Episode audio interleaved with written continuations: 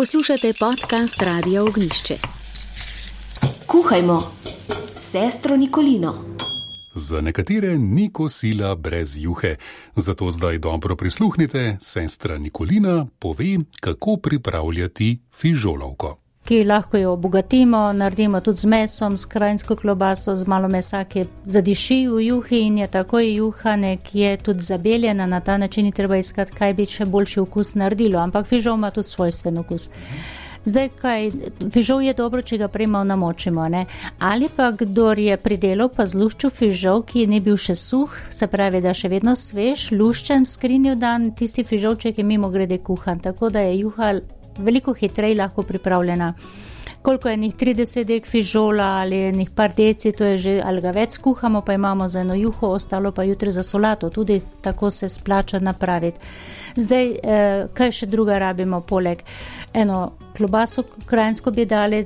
Je najbolj enostavno, če druga nimamo. Drugače pa lahko tudi kos pečenke dodamo, ali pa ene mesnine, ki nam je pripravljena ostala, da se bo porabila vode za zalivanje, polje en korenček je dobro dati, malo lovorega lista, k fižolu, ko se kuha.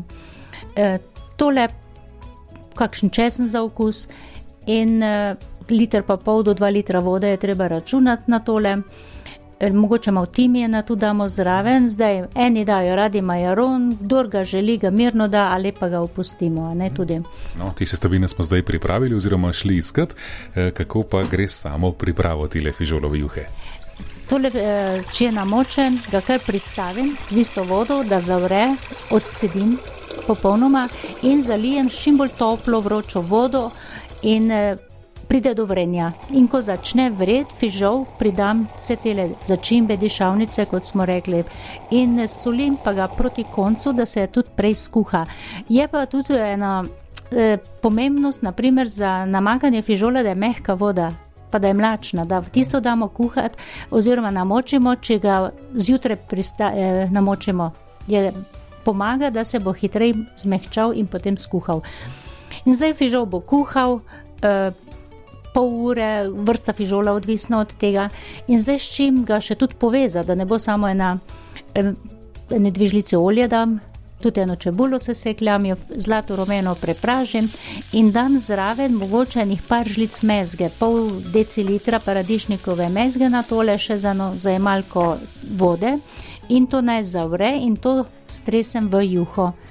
Eh, klobasa, ki se je vmes ali pa mesnina se je prekuhala, ki jo moramo še narezati, vzamem iz juhe, jo vrnem pol narezano in tako je juha po okusu, koliko je potrebno še samo dopolnjena lahko z soljo ali kaj.